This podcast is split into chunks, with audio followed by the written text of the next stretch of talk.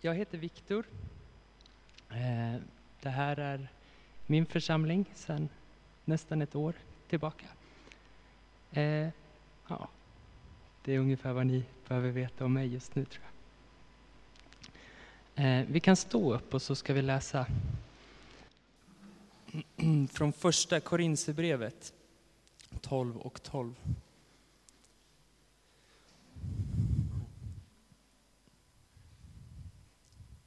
Ty liksom kroppen är en och har många delar och alla de många kroppsdelarna bildar en enda kropp, så är det också med Kristus.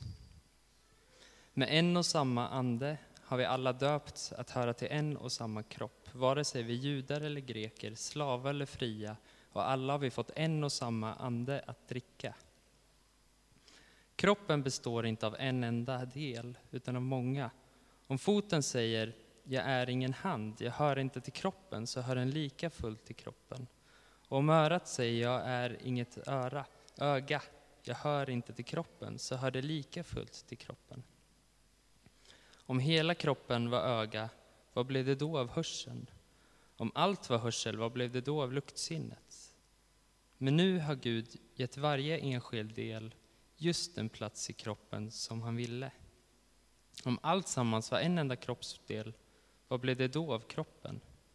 Nu är det emellertid många delar, men en enda kropp. Ögat kan inte säga till handen, jag behöver det inte, och inte heller huvudet till fötterna, jag behöver det inte. Tvärtom, också de delar av kroppen som verkar svagast är nödvändiga. Och de delar av kroppen som vi inte tycker är fina, de gör vi så mycket finare. Och de delar vi skäms för omger vi med så mycket större anständighet. Något som de anständiga delarna inte behöver. Men när Gud satte samman kroppen lät han de ringa delarna bli särskilt ärade för att det inte skulle uppstå splittring inom kroppen och för att alla delarna skulle visa varandra samma omsorg. Lider en kroppsdel så lider också alla de andra. Blir en del hedrad så gläder sig också alla andra. Ni utgör Kristi kropp och är var för sig delar av den. Varsågoda och sitt.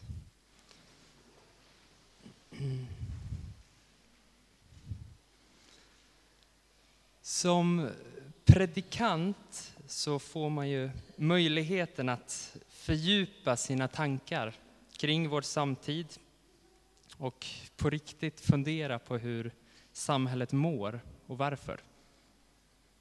Och sen så får jag genom Bibeln och den kristna berättelsen syn på vart vi är på väg. Som en kompass som hela tiden pekar på Jesus. Så nu ska vi börja med att stanna upp en stund och fundera på hur vi har det i Sverige idag. Och vi börjar i några korta reflektioner. Har du tänkt på att vi är de första generationerna som försöker oss på det här att uppfostra barn på egen hand? Ibland kanske vi är två föräldrar, ibland så är vi en ensamstående förälder. Men de flesta i Sverige gör det utan övrig familj och släkt. Utan grannar och anhöriga och utan ett samhälle som backar upp oss. Bara några generationer bakåt såg det ut på ett helt annat sätt. Då satt vi inte ensamma i våra lägenheter och försökte få ihop livspusslet. Just nu finns det ett antal dokumentärer eh, som handlar om de äldsta i Sverige. De gamla och sjuka. Som sitter i sina lägenheter och på olika hem och utan möjlighet att på egen hand ta sig ut i solen. Och vi skyller på äldrevården och på politiker som säger, och så säger vi att det är deras fel. I statistiken för sjukskrivningar år 2017 så gick psykisk sjukdom om fysisk sjukdom. Alltså orsaken till att människor är sjukskrivna idag är framförallt för att människor är psykiskt sjuka, inte fysiskt. Och i Sverige så har vi procentuellt flest ensamhushåll i hela världen. Trots att det är bostadsbrist i de allra flesta kommuner. Och när man fyller 18, 19, 20 så tror jag att de flesta av oss känner en press att nu är det dags att flytta hemifrån. Och sen har vi den här förskräckliga debatten som har pågått i några år nu angående människor som är på flykt i världen. Ska vi ta emot eller inte? En debatt som har hamnat längre och längre ifrån människan på flykt och handlar mer och mer om oss. Vi som betalar skatt. Vi som faktiskt tycker att det har blivit lite för många nu. Och det humana har helt försvunnit ur samtalen. Och nu handlar det mer om volymer och pengar. Och jag då? Eh, vi lever i ett land idag som där jaget är det som har blivit viktigast. Mina rättigheter, min tid, mina saker, min frihet. Och frihet idag, tänker jag, betyder ungefär jag har inga barn, ingen partner, inga skyldigheter, fullt av rättigheter. Jag vill gärna bli ekonomiskt oberoende och jag är inte beroende av någon och ingen är beroende av mig. Jag är fri när jag klarar mig själv. Men är det frihet? För visst är det så att vi ändå ser en människa som är svag när hen är beroende av andra. En vuxen person som fortfarande bor hemma hos mamma. En medelålders person som lever på socialbidrag. En människa som behöver hjälp att laga mat och tvätta sig. En människa som frågar främlingar på gatan om hjälp. Individualismen, den måste vi ta på allvar. För jag tror att den även letar sig in i vår tro, i vår gudsbild och in i kyrkan. Och vad har det gjort med oss som församling att leva i en tid där jaget är starkare än viet?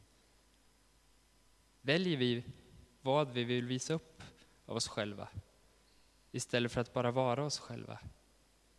Varför är det lättare att gå fram till ljusbäraren än att gå fram till förbön? Får det svaga och jobbiga plats när vi minglar efter gudstjänsten? Kan det till och med vara så att vi bara träffas när vi gjort oss söndagsfina? Att vi inte ens skulle känna igen varandra måndag morgon?